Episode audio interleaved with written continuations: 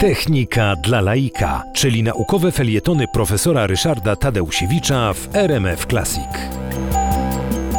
Proces protezowania, zwłaszcza kończyn, ale nie tylko, to w tej chwili e, dziedzina techniki, która należy do inżynierii biomedycznej, ale równocześnie także e, ma swój styk e, z zagadnieniami estetyki, kosmetyki, z zagadnieniami biomechaniki i wszystko to razem powoduje, że dzisiaj za pomocą inżynierii biomedycznej możemy nie tylko protezować kończynę, ale również sprawić, że ta kończyna będzie funkcjonowała podobnie jak biologiczna żywa kończyna.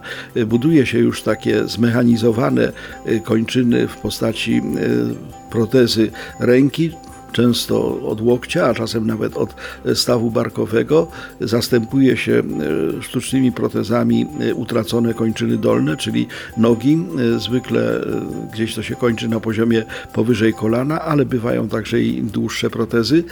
No i buduje się również różnego rodzaju protezy, które mają zastępować ubytki powstające w następstwie chorób i operacji, na przykład w zakresie twarzy.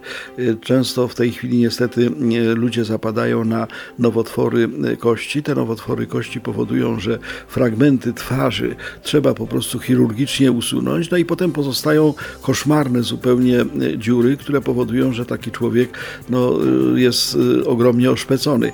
Proteza może wyrównać to i może spowodować, że taki człowiek po prostu w sposób niezauważalny dla otoczenia będzie zupełnie normalnie funkcjonował, tak jak gdyby nie, nie był uszkodzony.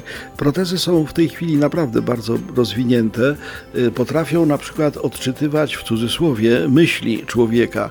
To znaczy wystarczy chcieć, żeby kończyna się poruszyła, chceć ją podnieść, ją opuścić, chcieć na przykład zacisnąć pięść, a odbiorniki elektroniczne rejestrujące sygnały nerwowe są w stanie ten sygnał odebrać, zinterpretować i wysterować odpowiednie silniki i rzeczywiście ruch protezą może być na tyle dokładny, na tyle szczegółowy, że współcześni ludzie, którzy są pozbawieni własnej ręki, ręki, a posługują się protezą, mogą wykonywać całkiem skomplikowane operacje, realizować zadania w postaci takiej czy innej pracy, a nawet uprawiać sporty. Co jest ciekawe, człowiek pozbawiony rąk grający w golfa to wcale nie jest w tej chwili jakaś zupełna nowość. W związku z tym protezy przeszły ogromną drogę od prymitywnego haka do bardzo złożonego biomechanizmu, a zasługa tego rozwoju leży po stronie inżynierii biomedycznej, dziedziny bardzo w tej chwili intensywnie rozwijanej.